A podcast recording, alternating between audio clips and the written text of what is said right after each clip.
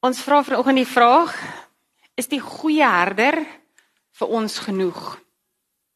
Laasweek het ek gesê ons moet kies om te lewe. Ons moet kies om in oorvloed te lewe want dit is wat God vir ons wil hê. So ons moet God kies want hy is die bron van alle lewe. En as ons sê kies God en kies lewe dan beteken dit ons kan nie net stukkies van Jesus kies wat ons gemaklik oorvoel nie. Ons moet sy totaliteit kies. En daarom die vraag, is daai geheel van wie Jesus is, is dit vir jou genoeg? Is hy vir jou genoeg? Ons gaan twee gedeeltes lees vanoggend. Ons gaan lees Johannes 10 vers 1 tot omtrent so by vers 14 en dan Psalm 23. Want daar hoor ons wie is die getroue herder? Wie is hy? Hoe tree hy op en wat gee hy vir ons? So julle kan julle Bybels daar oopmaak Maar kom ons vat net eers 'n oomblik en ons bid saam.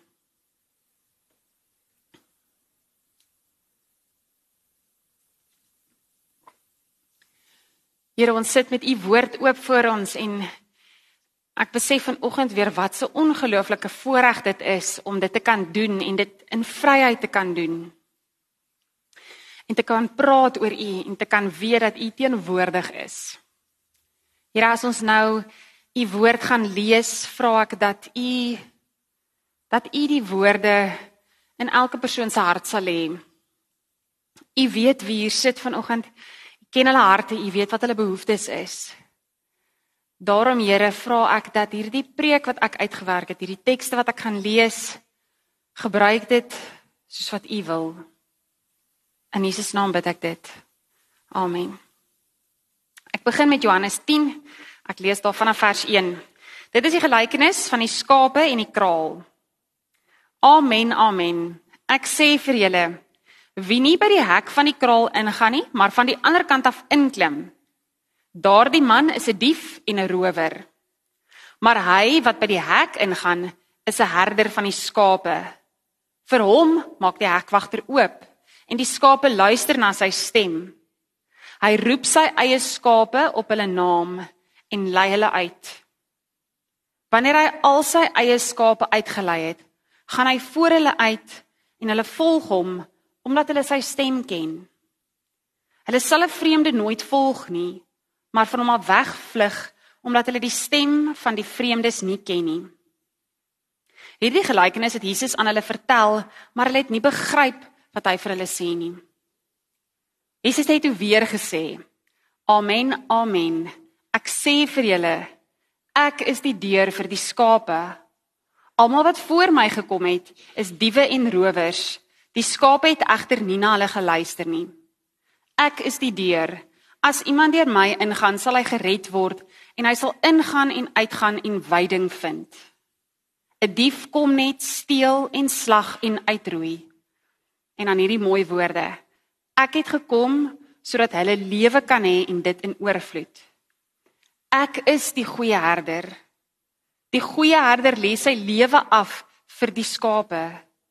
Die huurarbeider wat nie 'n herder is nie en aan wie die skape nie behoort nie, sien die wolf kom, los die skape en vlug en die wolf vang en verjaag hulle. Omdat die man 'n huurarbeider is en nie vir die skape omgee nie. Ek is die goeie herder en ek ken my eie en my eie ken my. Daai is my verskriklik mooi. Ek ken my eie en my eie ken my. Dan gaan ons na Psalm 23 toe. Nou ek lees uit die 2020 vertaling uit, so hier en daar klink dit bietjie anders as die 83 vertaling. Psalm 23 is 'n psalm van Dawid. Die Here is my herder. Ek ly nie gebrek nie. In groen weivelde laat hy my rus na water waar daar rusplek is, lei hy my. Hy gee my nuwe lewenskrag. Hy lei my op die regte paaie ter wille van sy naam. Selfs as ek in die donkerste kloof ingaan, is ek nie bang vir gevaar nie, want hy is by my. Dit is u staf en stok wat my gerus stel. U dek vir my 'n tafel voor die oë van my teenstanders. U verfris my kop met olie My beker loop oor. Net goedheid en troue liefde sal my volg al die dae van my lewe en ek sal terugkeer na die huis van die Here tot in lengte van dae. Net tot sover. As ek hierdie twee gedeeltes lees en ek dink aan Jesus is ons goeie herder, dan kan ek amper nie dink dat ons kan sê maar hy's nie goed genoeg nie.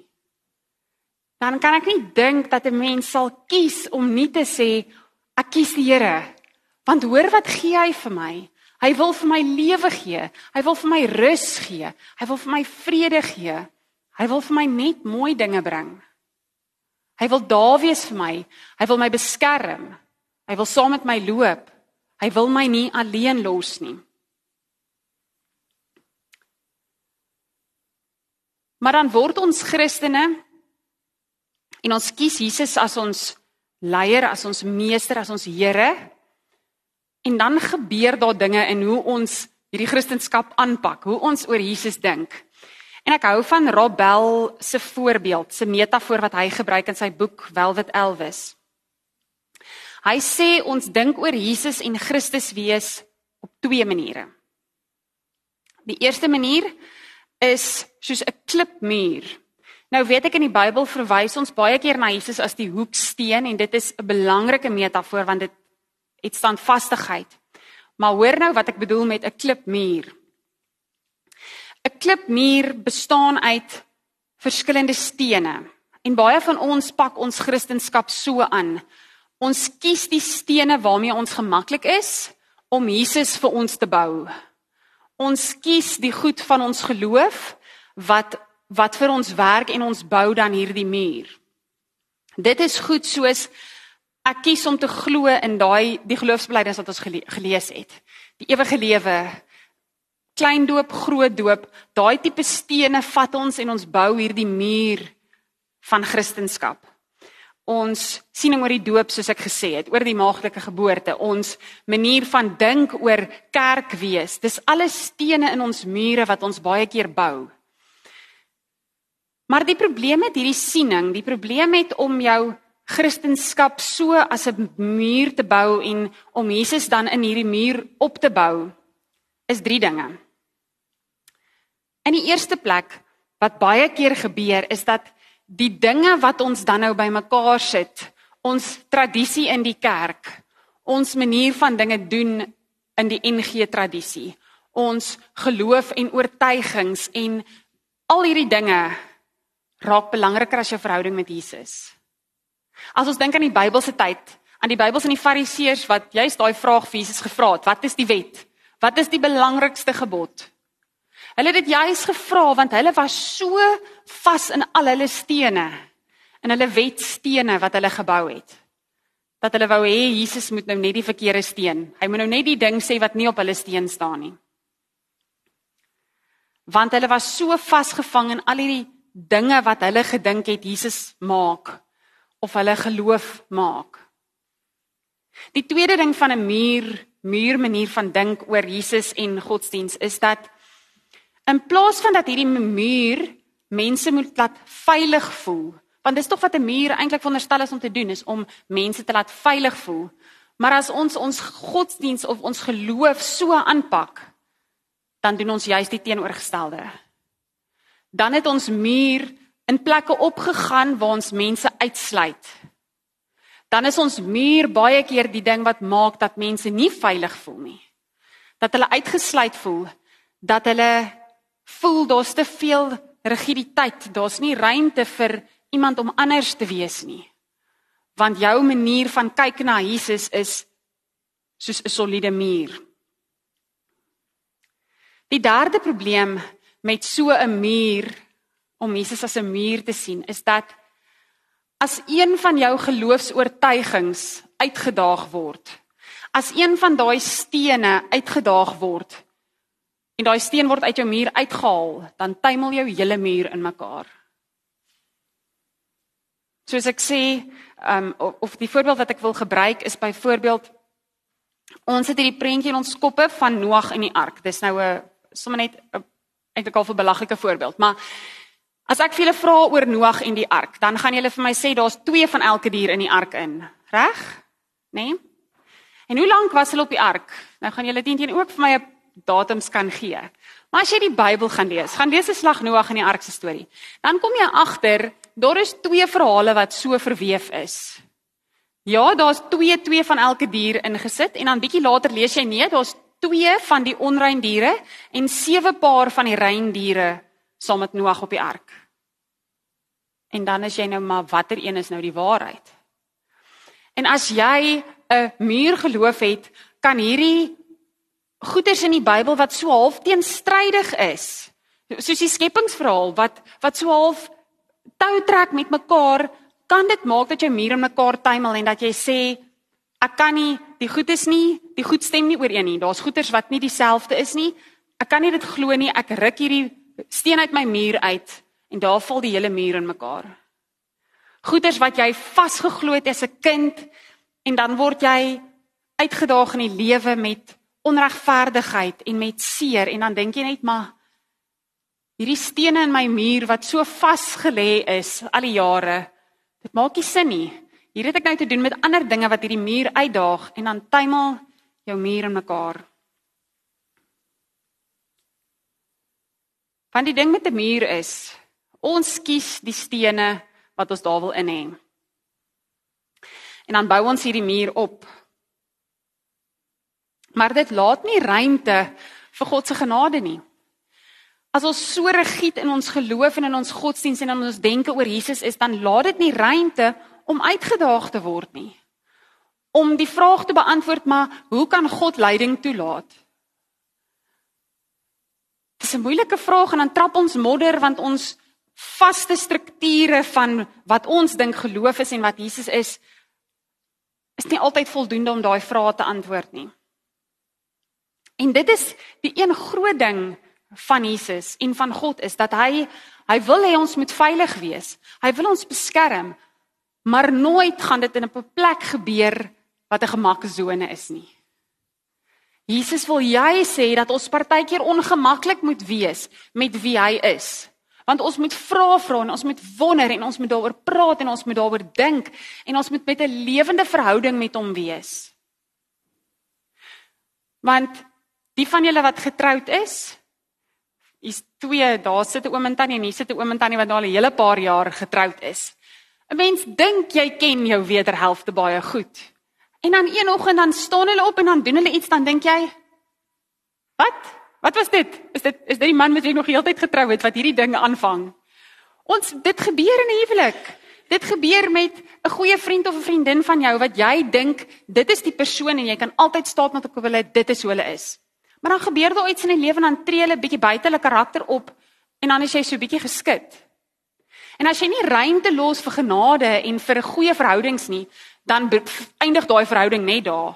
Want jy sien nie kans om om hierdie muur wat nou 'n gat in het weer op te bou nie. Deuteronomium. Kom ek lees vir julle hoe lyk 'n muur godsdiens. Deuteronomium 22. Mansklere mag nie deur 'n vrou gedra word nie en 'n man mag nie 'n vrou se oorkleed aantrek nie want almal wat dit doen is afstootlik vir die Here jou God.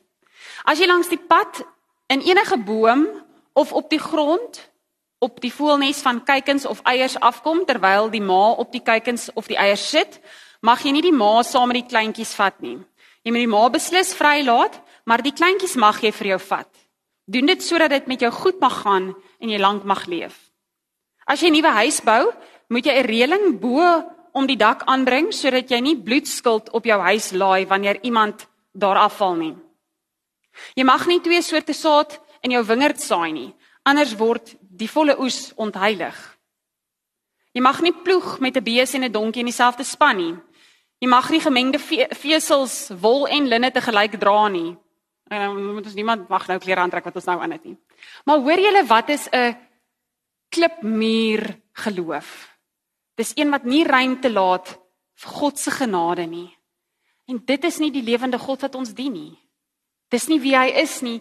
Hy wil nie hê ons moet mure bou, mense uitsluit en so rigied wees in ons geloof dat ons nie meer hom en 'n lewende verhouding met hom raak sien nie. En dit is dan nou die tweede metafoor. Robel vertel die storie waar hy vir sy seentjie van 4 'n trampolien gekoop het. Met die kante om. En so het hy en die seentjie vir ure saam gespring. En op 'n stadium toe kom die boetie agter en ek en Leila het ook nou al daai triek agtergekom. As hulle net reg spring in sink spring, ons praat van double jump, dan double jump jy die ander ou. Dan gaan daai ander persoon baie hoër as wat jy ooit kan op jou eie spring. En die seentjie het agtergekom en hy het dit gelove. En hy het baie excited vir sy mamma ook gesê sy moet kom kyk en toe sy sien wat hulle doen, toe sy sê wag, hierdie is bietjie gevaarlik. Julle moet dalk nou nie heeltemal hierdie doen nie want daai boetie het geskaai rocket. Daarso. Maar dit is die ander metafoor is Jesus is nie 'n trampolien nie. Hy is die een wat saam met ons op daai trampolien spring. Dit is hoe ons godsdiens moet wees. Hoekom ek so sê?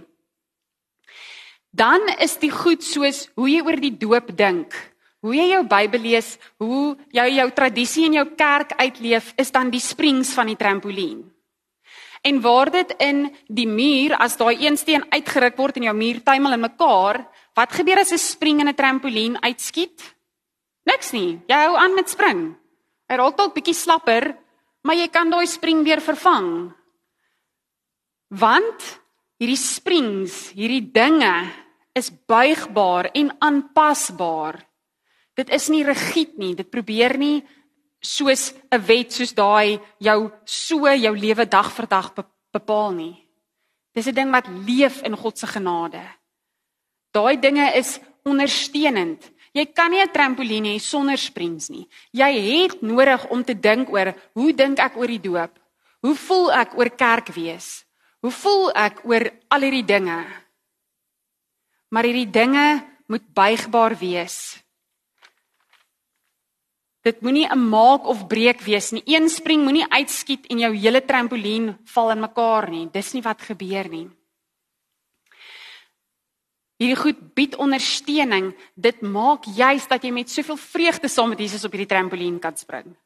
Want jy weet al skiet daar 'n spring, ek kan nog steeds met oorgawe spring. Ek kan dit geniet. Die tweede ding van 'n trampolien is dat al het jy daai kante om Dis nie 'n ding wat uitsluit nie. Die trampolien is juis daai pappa het sy seentjie genooi en gesê kom spring saam met my. Kom spring saam met my. Kom neem deel aan hierdie saamspring. En as jy ooit saam met 'n kind trampolien gespring het, jy moet die ritme reg hê. Jy moet lekker in sink spring, anders te gaan die een nooit opkom nie en die ander een gaan dalk heeltyd opgaan of een gaan val. Dit is net jy moet lekker in sink spring. En dit is wat Jesus vra. Jesus sê kom, kom spring saam met my op hierdie trampolien. Ek wil saam met jou in ritme wees. Ek wil saam met jou hierdie ding doen. Ek wil jou nie alleen los nie. Dit sluit nie uit nie, dit nooi in. Die derde ding van 'n trampolien is as Leila saam met my op die trampolien is. Ek het haar nog nooit van die trampolien afgespring nie. Want sy vertrou vir my as haar mamma om seker te maak dat al double jump ek haar dat sy hoog skiet. Ek is daar om te keer dat sy van die trampolien afval. Natuurlik kry 'n mens seer op 'n trampolien. Ek weet ek was klein toe ek 'n hier 'n borsspier gereg. Ek kon dan net met my oupa gelag. Want toe kan ek nie lag nie. Ek kan nie net ek het 'n borsspier gereg van 'n trampolien spring. So mens kry seer op 'n trampolien. 'n Mens kan seer kry in die lewe. Maar 'n trampolien vra dat jy die een vertrou wat saam met jou spring. Ons moet God vertrou, vir Jesus vertrou dat al kom die seer, hy gaan nie vir jou los om maar net af te val en daar te bly lê nie. Hy spring saam met jou. En op die ou einde is die die vertroue en die vreugde van saam met Jesus spring soveel meer werd as die seer kry wat ons in ons lewens het.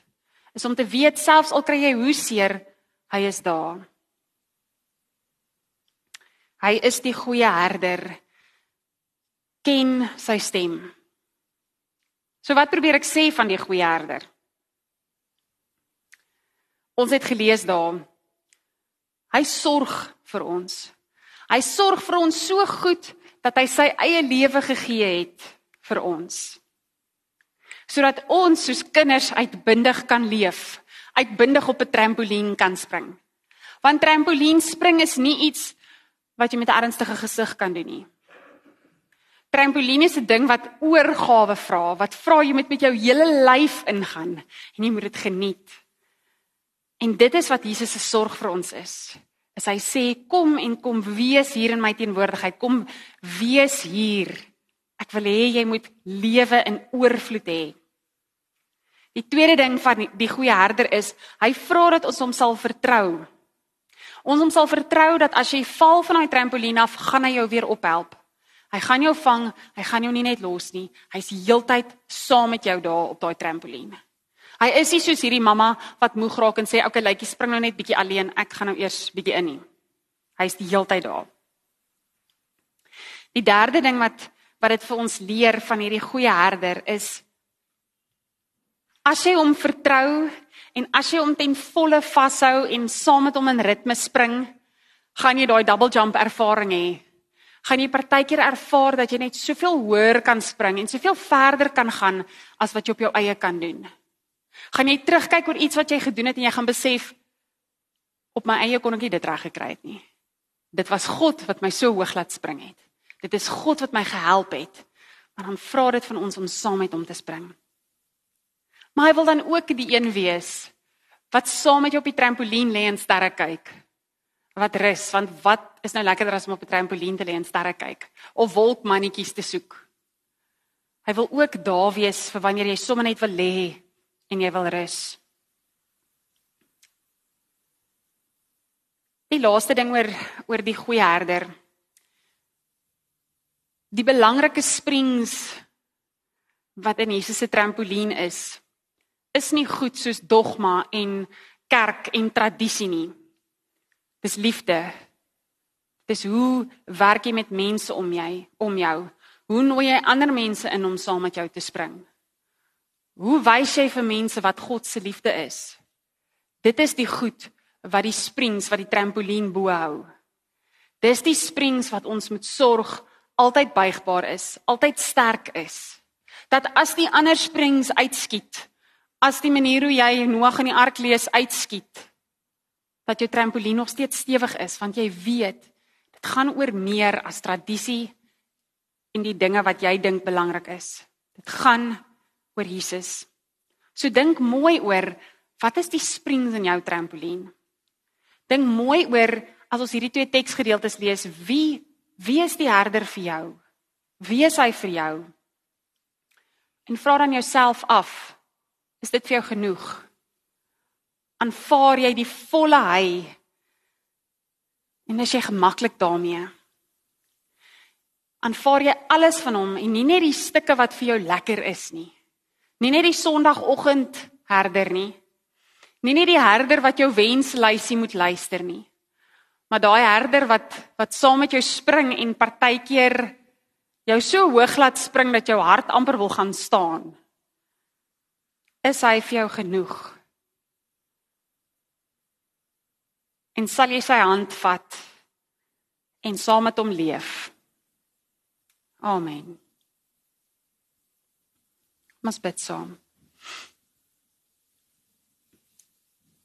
Here, ons is dikwels goed met mure bou. Om so rigied te raak in ons manier van dinge doen en glo en wees dat ons vergeet dat u in liefde kom, dat u in genade kom. Here breek ons mure af asseblief. Wees ons hoeksteen, Here, wees daai standvastigheid in ons lewe. Ja, Here, markeer asseblief dat ons sal mure bou wat mense uitsluit en wat ook dan vir onsself skade berokken as ons mure in mekaar tuimel. Here laat ons dan met volle oorgawe soos 'n kind op 'n trampolien saam met U kom spring. Die lewe met soveel vreugde aanpak omdat ons weet dat U daar is en dat U altyd daar is. Here want U is ons goeie herder. U is die een wat ons beker laat oorloop. U is die een wat nie kom steel en uitroei nie, maar wat vir ons lewe en oorvloed kom gee. Dankie daarvoor, Here. Here wys ons watter springs moet ons in ons trampolien hê. Wat is die dinge wat maak dat hierdie trampolien so lekker spring? Want ons wil Here, ons wil saam met U leef elke dag. van nou af altyd. Amen.